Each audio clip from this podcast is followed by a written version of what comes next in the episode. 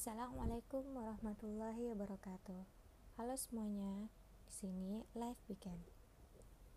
Pada segmen kali ini, saya akan ngebahas tentang catatan muslim milenial, di mana ini merupakan catatan beberapa penulis muslim milenial yang terinspirasi dari kajian tafsir linguistik Al-Quran dari Ustadz Numan Alihan. Dikemas dengan bahasa yang ringan, membumi namun syarat inspirasi. Kali ini kita akan ngebahas tema friendzone. Friendzone. Ini ditulis oleh Muhammad Isyraqi Al-Hakim. Pemuda kekurangan stok inspirasi. Ada suatu kisah di mana seorang pemuda sedang menjadi volunteer pada sebuah kegiatan sosial. Saat itu, kegiatan volunteer itu berada di sekolah dasar.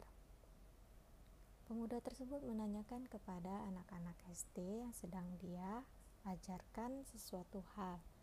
Dia bertanya, "Apa yang kalian inginkan? Apa cita-cita profesi kalian?"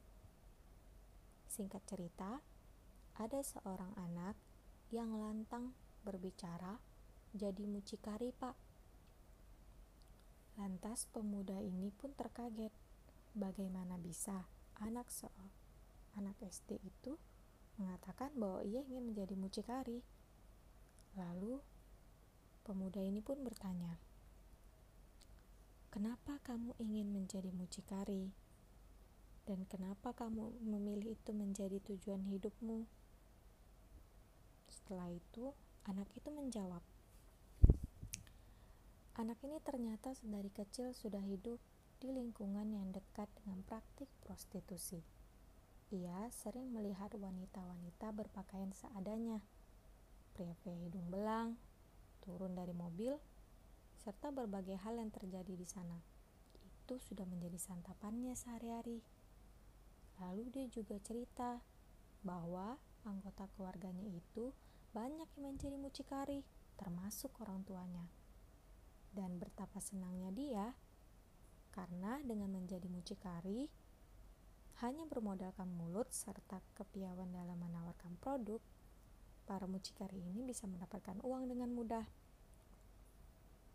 Akhirnya pemuda ini pun mengatakan kepada anak tersebut bahwa menjadi mucikari bukanlah pekerjaan yang baik. Namun, bagaimana dengan pandangan seorang anak kecil? Mereka hanya memikirkan untuk mendapatkan pekerjaan yang mendapatkan uang dengan cara yang mudah. Itu merupakan profesi yang diidamkan oleh mereka. Nah, dari situ kita bisa lihat bahwa lingkungan sekitar kita akan menjadi inspirasi kita. Bagaimana dengan stok-stok inspirasi tersebut? Setelah pemuda ini berbincang dengan anak itu, lalu anak-anak lain pun menjawab, Hmm, aku ingin jadi petani seperti ayahku. Lalu ada yang menjawab, aku ingin jadi sep seperti pemain bola. Hmm, kayak Lord Atep atau Haryono dan Messi. Lalu ada juga yang menjawab, aku ingin jadi youtuber kayak Edozel. Ada yang ingin jadi pembalap, ada yang jadi artis, ingin jadi ini, ingin jadi itu.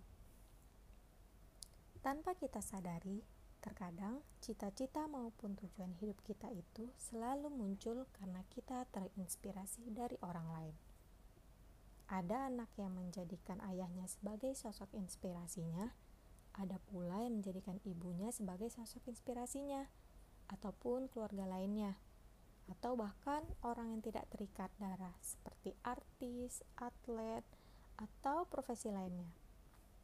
Dan dengan sendirinya, sosok inspirasi itu akan memengaruhi tujuan hidupnya, dan tujuan itu akan memengaruhi bagaimana cara dia bertingkah dan berperilaku.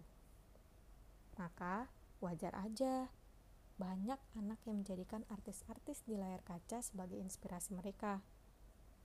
Maka banyak dari mereka yang mencontohkan perilaku sang inspirator tersebut. Setiap anak pasti akan meniru segala hal yang dilakukan oleh inspirator mereka mulai dari cara berjalan, berpakaian, berbicara, dan berperilaku. Nah, jadi dari stok-stok inspirasi tersebut, maka yang perlu kita ketahui adalah inspirasi itu datang dari orang-orang terdekat maupun dari luar. Nah, mereka adalah cerminan. Apakah perilaku mencontoh sang inspirasi itu hanya berlaku pada anak-anak saja? Tentu tidak. Tidak hanya anak-anak, itu juga berlaku dengan kita, para orang dewasa. Seringkali kita juga bertingkah, berperilaku, serta bertindak sebagaimana orang yang menjadi sosok inspirasi kita itu. Tanpa kita sadari, kadang kita berperilaku sebagaimana orang-orang yang kita kagumi atau kita senangi. Nah, apakah yang kita inspirasi itu haruskah seorang tokoh? Tentu tidak. Justru di sinilah yang orang kadang gak sadari dan lupakan.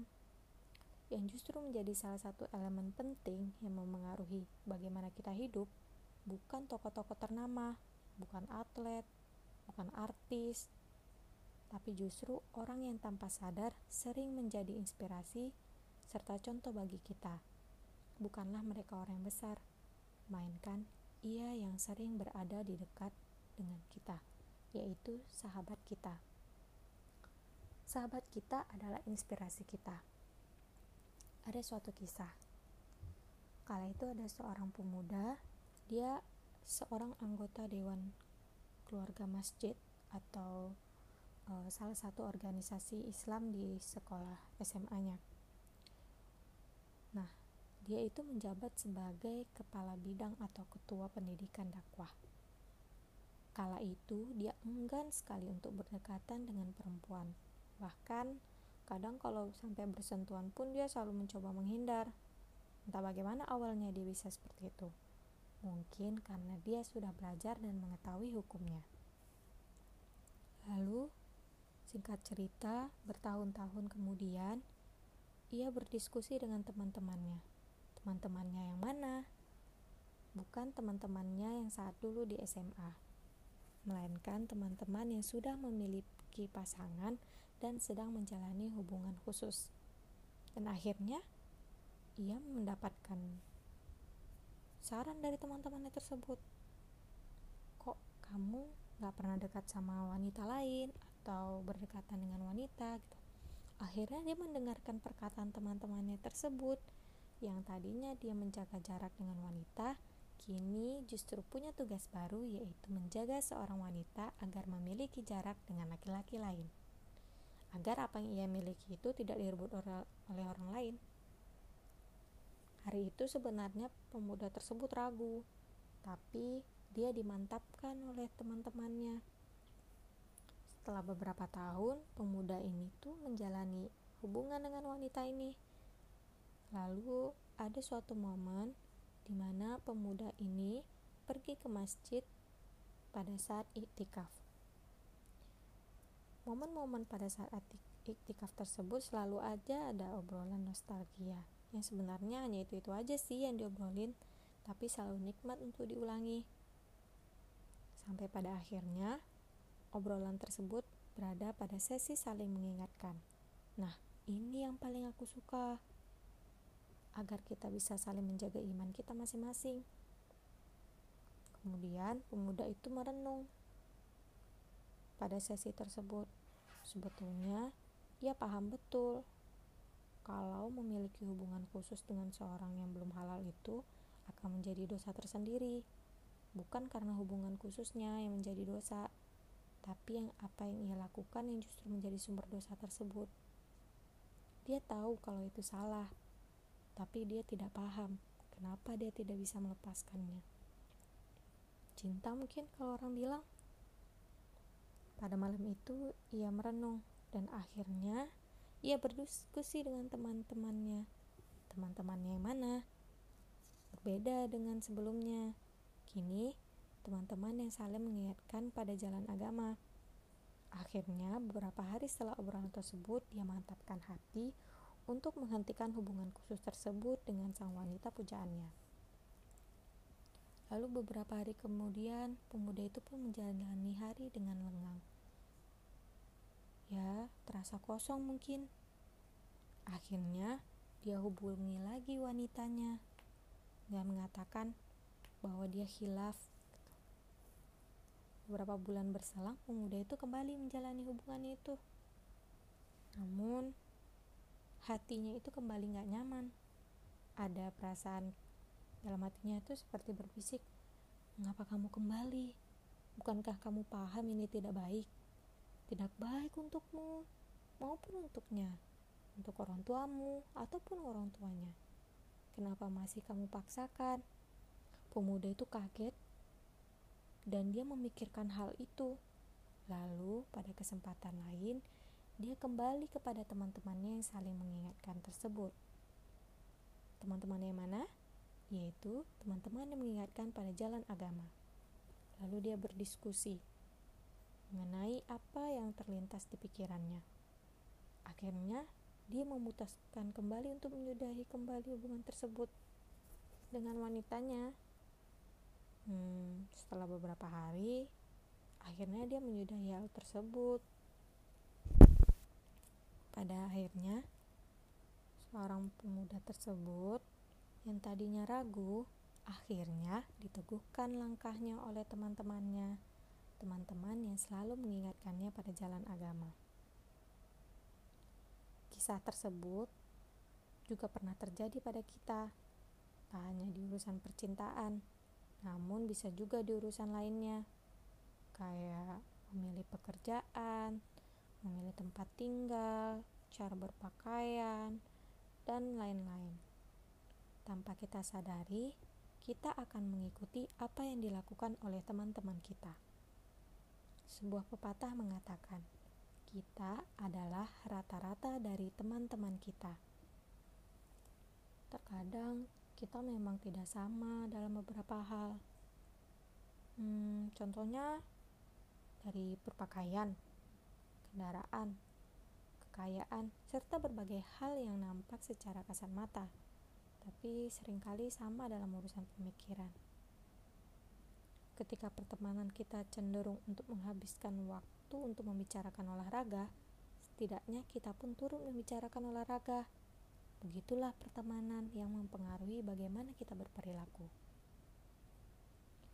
Hmm, pernahkah kita berpikir seperti ini? Ah, saya mau ibadah, tapi teman-teman saya juga nunda. Nanti aja deh.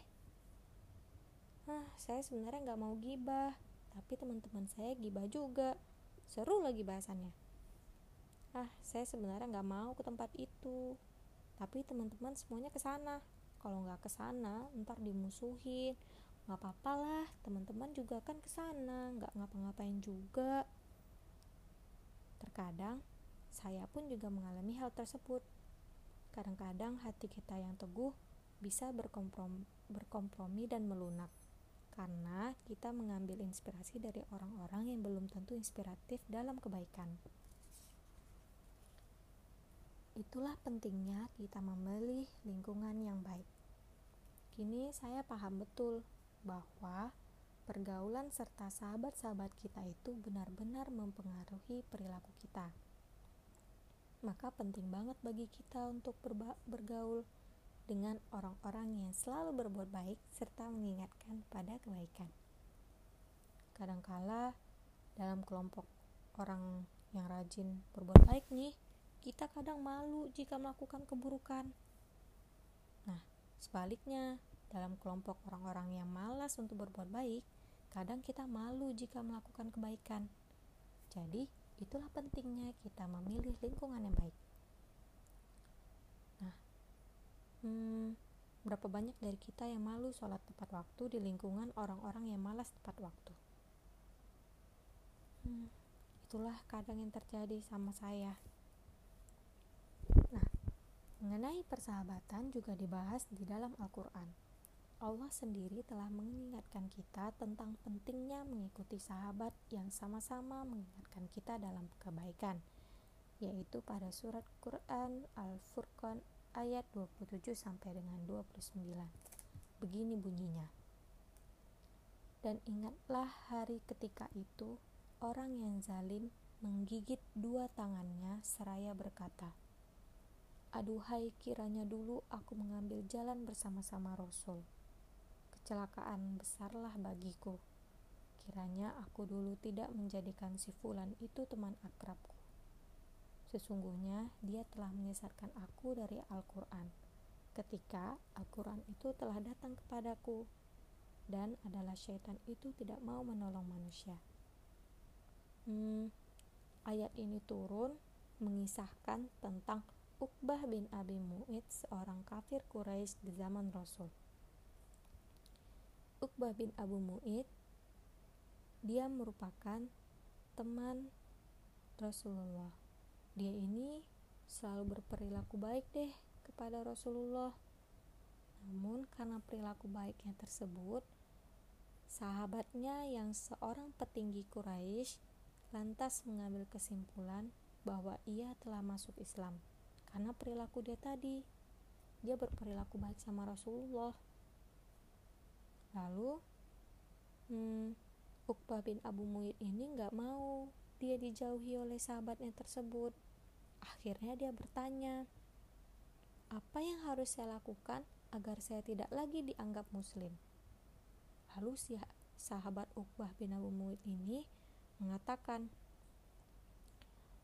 uh, yang jelek-jelek supaya si Uqbah bin Abi Mu'id tidak lagi berperilaku baik kepada Rasulullah. Akhirnya selepas diskusi tersebut, Uqbah bin Abu Mu'id ini mendatangi Rasulullah dan ia meludahi wajah Rasulullah sambil mencaci dan merendahkan Rasulullah. Bahkan di waktu yang berbeda, ia pula lah yang meletakkan kontoran unta di antara tubuh Nabi Muhammad SAW ketika beliau sedang melaksanakan sholat, sehingga Rasulullah ditertawakan oleh orang-orang Mekah. Namun pada akhirnya Uqbah bin Abu Mu'id ini terbunuh kala berperang di Perang Badar. Dari kisah tersebut, kita dapat mengambil pelajaran bagaimana akhirnya perilaku seseorang bisa berubah karena pendapat sahabatnya bisa berubah karena ingin seperti teman dekatnya, bisa berubah karena malu jika ia tidak sama dengan teman-temannya ataupun sahabatnya, sekalipun yang ia lakukan itu benar.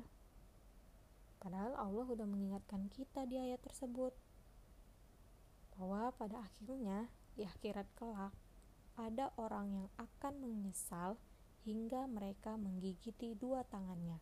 Saking gemetarnya, saking takutnya, saking tegangnya karena akan nasib mereka. Karena mereka tidak mengikuti jalan yang telah ditunjukkan oleh Rasulullah, yaitu jalan-jalan kebaikan dan ketakwaan. Tapi dia malah memilih pendapat sahabatnya yang justru menjauhkannya dari Allah. Dan kelak di akhirat, ia akan menyesali serta menyalahkan sahabatnya tersebut. Namun apa daya, pada akhirnya, satu-satunya yang bertanggung jawab atas dosa kita adalah diri kita sendiri. Mengenai berteman dan bersahabat, dengan memahami hal tersebut bukan berarti kita akhirnya membatasi diri kepada orang lain. Kita pula harus dapat mencontoh Rasulullah. Beliau tetap berteman dengan siapa pun, bahkan dengan orang yang juga tidak menyenangi beliau. Rasulullah tidak memilih pertemanan. Namun Rasulullah memilih siapa-siapa saja yang ia jadikan sahabat, yang ia jadikan kepercayaan, yang ia jadikan tempat menyimpan rahasia, yang ia jadikan tempat bertanya, karena sahabatlah yang akan mendukung kita dalam melakukan sebuah tindakan. Maka, penting bagi kita untuk memilih zona pertemanan kita dan memiliki persahabatan yang baik menjadikan orang-orang baik sebagai panutan, yang menjadikan Rasul sebagai teladan, yang menjadikan kebaikan sebagai koridor. Karena kelak kita akan sangat bersyukur dipertemukan dengan orang-orang seperti ini.